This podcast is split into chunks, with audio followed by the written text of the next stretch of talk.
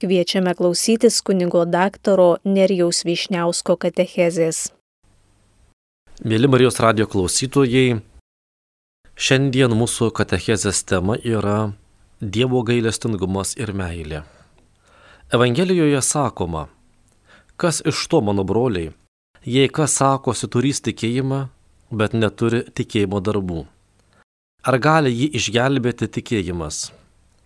Mato Evangelijoje parašyta, kad žmogaus sūnus savo šlovėje veikiausiai atliksęs apskaitą ir vieną dieną susumuosias rezultatus. Nes kiek kartų tai padarėte vienam iš šitų mažiausiųjų mano brolių, man padarėte. Kadangi iš to išeitų, jog tikėjimas yra negyvas, bažnyčia iš Evangelijos kildina septynis geruosius darbus kūnui Štai jie.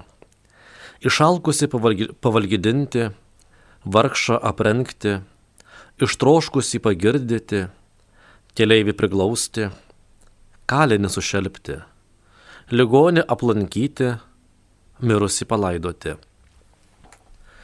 Pirmasis sakinys paimtas iš Jokūbo laiško. Jame justi žydų krikščionių įtaka.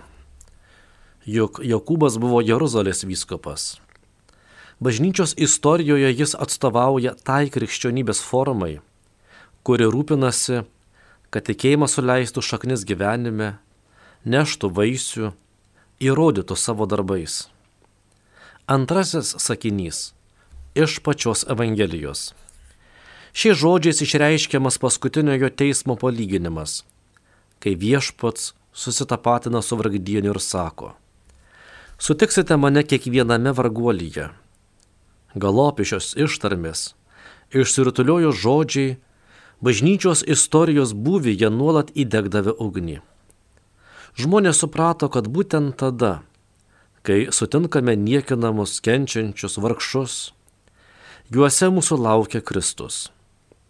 Palyginime, pats viešpats galiausiai prabyla apie įvairias gailestingumo formas. Aš buvau nuogas, mane aprengėte ligonis mane aplankėte, kalinys, atėjote pas mane. Čia jis pateikia trumpą beturčių, atstovaujančių Kristui pasaulyje tipologiją. Kristus čia mums kalba apie konkrečius darbus. Svarbu ne tik mylėti principais ir kada nekada paremti ką nors pinigais, bet ir matyti, kur esi žmonėms reikalinga savo gyvenimu tai dažniausiai nepatogu, sunku. Prisiminkime kunigą ir levetus, ne, nestaptelėjusius prie plėšikų nuskriausto žmogaus. Galbūt jie skubėjo į svarbų susitikimą, o gal bijojo, kad jiems patiems ko neatsitiktų, jei per ilgai užsibus toje nejaukioje vietoje. Visada galima rasti dingstį Tačiau Jėzaus paskutiniojo teismo palyginimas bei šis gerųjų darbų kūnui katalogas labai konkrečiai sako, reikia ne tik apskritai apglėpti visą žmoniją, bet ir visiškai konkrečiai padėti reikalingam pagalbos. Nors tai ir nepatogu, nors visiškai nėra laiko arba atrodo, kad nėra kaip padėti. Reikia galvoti apie konkretų atvejį o ne vien apie didelės akcijas. Tuo krikščionių meilės reikalavimas skiriasi ir nuo marksistinio, nes šis orientuotas tik į stambų planavimą, struktūrų keitimą, tik ne individualų atvejį. Kita vertus savaime suprantama, kad privalu rūpintis didesnio masto tvarka, ne tik bandyti vykdyti karitas kiekvieno konkrečio atveju, nors ji ir svarbi, bet ir padėti, kad tiems žmonėms atsirastų iš esmės geresnių galimybių. Iš šios nuostatos bažnyčioje išsirutuliojo ligonių slaugos sistema, neturtingųjų mokyklos ir dar daug kas kita. Tad abu aspektai susipinę. Matyti šalia esantį artimą, kurio neturi užgošti struktūrinis planavimas bei nugalėti netinkamas struktūras ir teikti struktūrinę pagalbą tiems, kuriuos, taip sakant, būtina aprengti. Šalia gerųjų darbų kūnų yra ir septyni gerieji darbai sielai. Abejojančiam patarti, nemokantį pamokyti, nuliūdusi paguosti, piktą darantį sudrausti, įžeidimus nukesti, melstis už gyvus ir mirusius. Svarbu, kad gailestingumas sėtųsi ne tik su materialiniais dalykais, rūpinantis tik tuo, kas materialu, daroma per mažai. Todėl toleregiai, besidarbuojantis paramos besivystančiam šalims organizacijose, visada gerai suprato, kaip svarbu prusinti žmonės, kad jie patys gebėtų tvarkyti reikalus. Tik padedant sielai, tik padedant vienam žmogui, padedama iš tikrųjų. Dėl to juoba svarbu nešti žmonėms Dievą, pateikti moralinius mastelius, Tai, sakyčiau, pats pirmutinis gailestingumo darbas. Velykų laikotarpį bažnyčiose girdime skaitomus šventojo rašto žodžius apie Kristaus prisikelimą. Visi žinome apie Jėzaus pasirodymą Emausų mokiniams, vakarienę kartu su jais. Taip pat žinome istoriją, kai prisikėlęs viešpats, durims esant užrakintoms, atsistoja jų viduryje ir kreipiasi į abejojantį Tomą. Ir kai Marija Magdalietė susitinka su prisikėlusiu Kristumi kapo viduje. Naturalu, kad kiekvienas mes savai pagalvojame apie Kristaus prisikelimo slėpinį. Kaip tai galėjo nutikti, koks buvo prisikėlęs Kristus.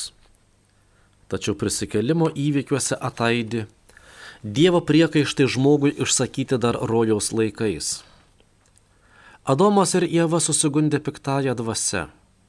Vėliau slėpėsi nuo Dievo. Kodėl susigundė? Nes gal ir jų akis kaip apaštalų. Ir mūsų visų būna lyg mėgla aptrauktos.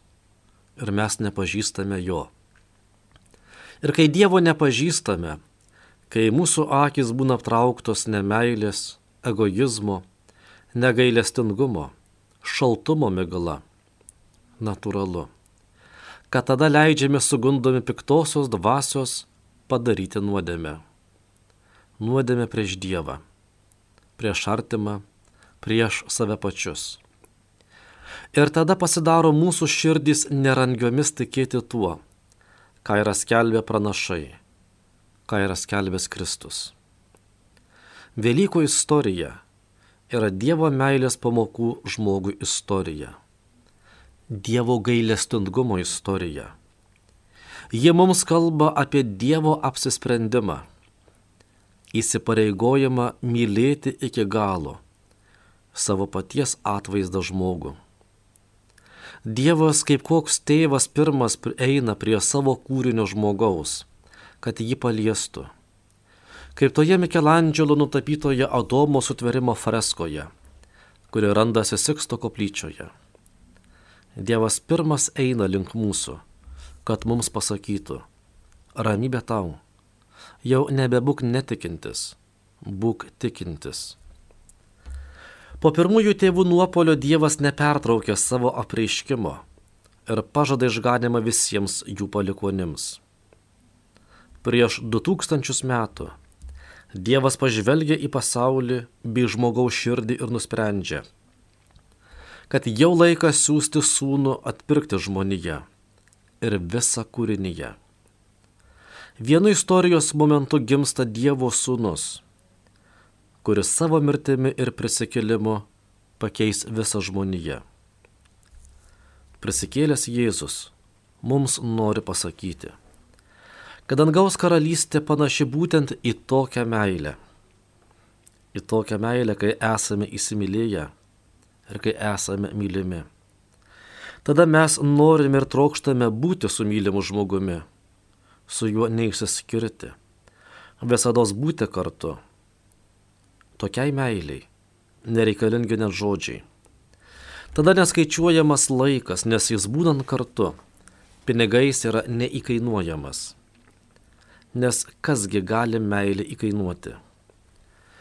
Šią meilę neprekiaujama prekyvietėse, ji nesvarstama prekiautojų svarstyklėmis. Meilės tikslas - mylėti. Nedaugiau ir nemažiau.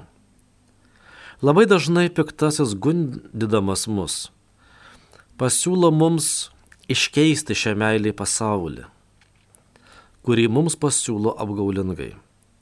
Tarsi tas pasaulis būtų mums iškaltas iš deimanto brangiausio ir kuriam galiausiai nepajėgėme atsispirti. Pasiduodame ir išduodame meilę. Ja parduodame. Fiodoras Dostojevskis, žmogaus sielos gelmių žinovas, šventąjį raštą skaitė labai atidžiai. Jis pastebėjo keistą reiškinį. Žmonės, besiskelbintis, jog myli žmoniją, labai dažnai nesugeba pamilti čia pat arti esančių žmonių.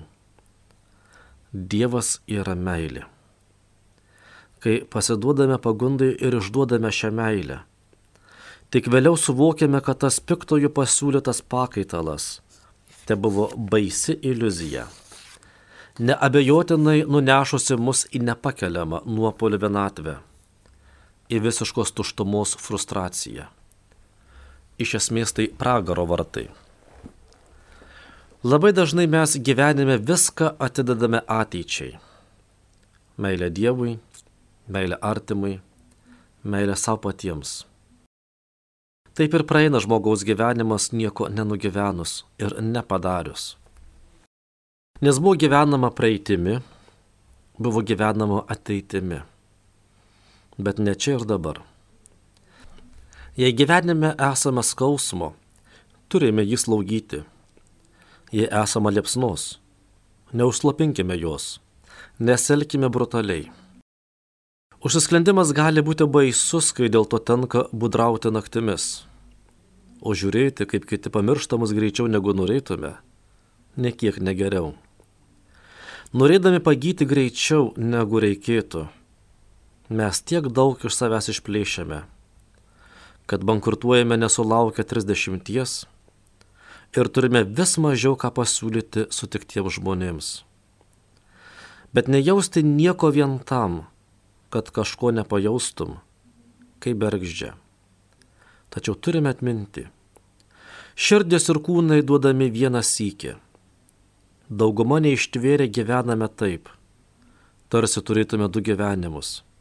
Vieną bandomąjį, kitą išdailintąjį ir dar daugybę tarpinių variantų bet gyvenimas tik vienas. Ir nenespėjų susigaudyti, širdis jau būna pavargusi. O kalbant apie kūną ateina tokia akimirka, kai niekas į jį nebežiūri, net nenori prie mūsų prisiartinti. Mūsų kalba, mūsų apranga, mūsų elgesys, mūsų darbo stalas pasako daug daugiau apie mus negu mes patys apie save. Tai liečia ir mūsų tikėjimą. Kaip galiu skelbti Dievo karalystę, jei aš pats nežinau, kas ji yra, jeigu jos nesu niekada sutikęs ir nejaučiu savo širdyje? Kam skelbti Evangeliją, kai daug lengviau nieko nedaryti, tik gražiai pakalbėti vietoje konkrečių darbų? Kam skelbti Evangeliją? kai ataskaitos ir popieriai kartais bažnyčioje tampa svarbesni už žmonės. O tada stebimės, kraipame galvas, kodėl bažnyčioje taip mažėja žmonių. Gyvendami pasaulyje mes dažnai apsiprantame vieni su kitais. Apsiprantame su Dievu, su šventais dalykais. Tačiau girdėdami šiuos Jėzaus žodžius, eikite ir skelbkite, jog prisartino dangaus karalystė, turime suklusti visi. Ar tikrai mums ir pas mus prisartino dangaus karalystė? Kartai žvelgdami patys į save, į savo bažnyčias, į savo bendruomenės, gal labiau galėtume sakyti, kad Dievo karalystė pas mus ir mums neprisartino, o tik dar labiau nusitolino.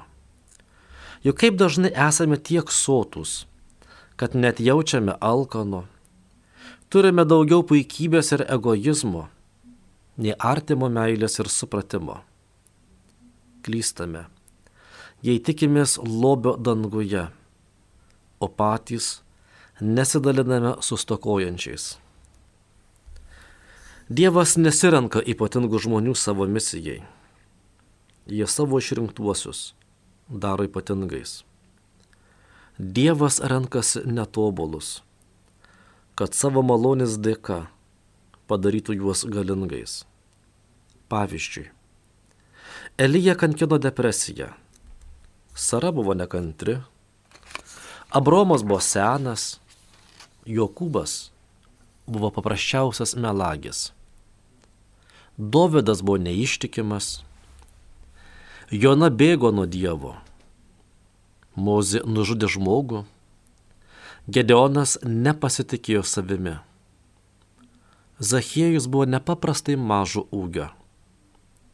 Marija skleidė gandus, o Morta buvo tiesiog skundikė. Petras buvo audringo charakterio, Tomas abejojo. Ar dar bevardinti? Dievas ir šiais laikais mums, mums siunčia savo pasiuntinius pas mus Dievas ir mus pačius siunčia kaip pasiuntinius. Bet mes dažniau klausome savo, o ne Dievo valios. Todėl Dievas pasaulyje kartais tampa bejėgis.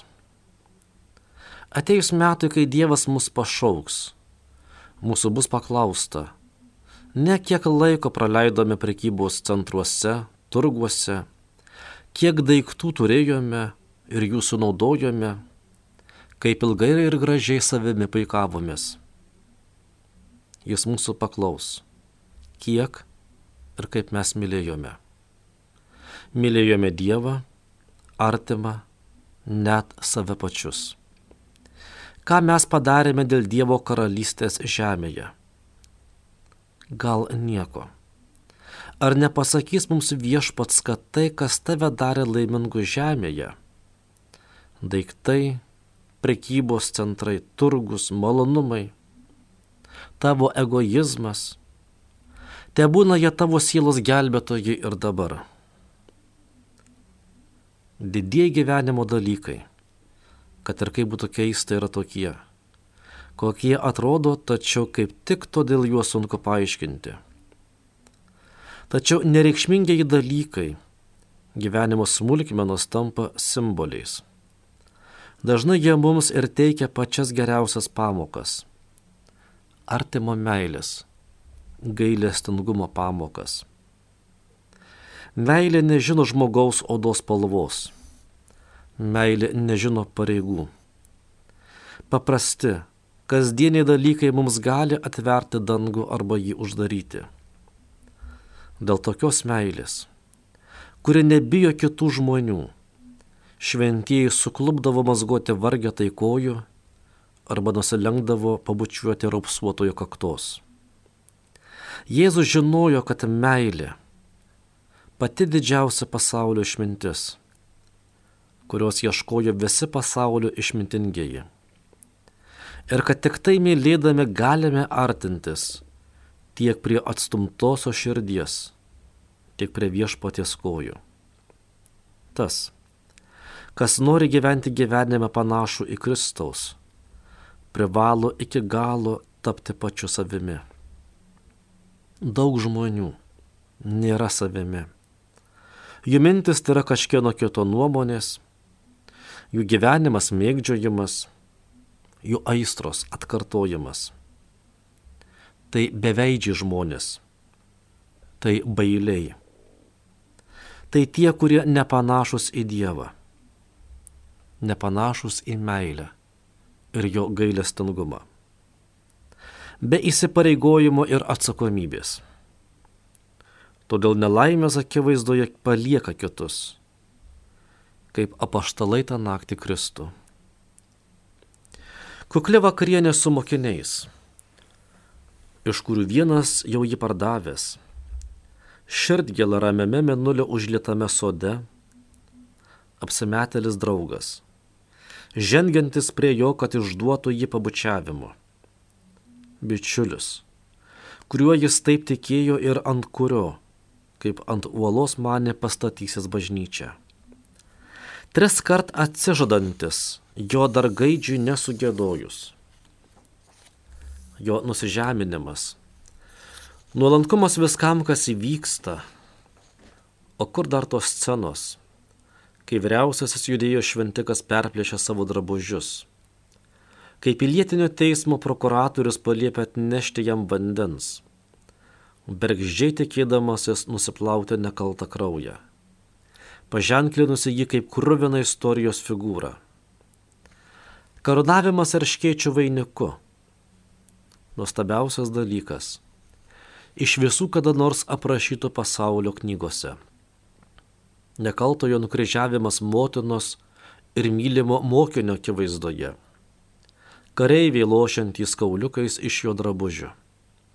Širpulinga mirtis, po kurios jis liko pasauliu amžinų simboliu.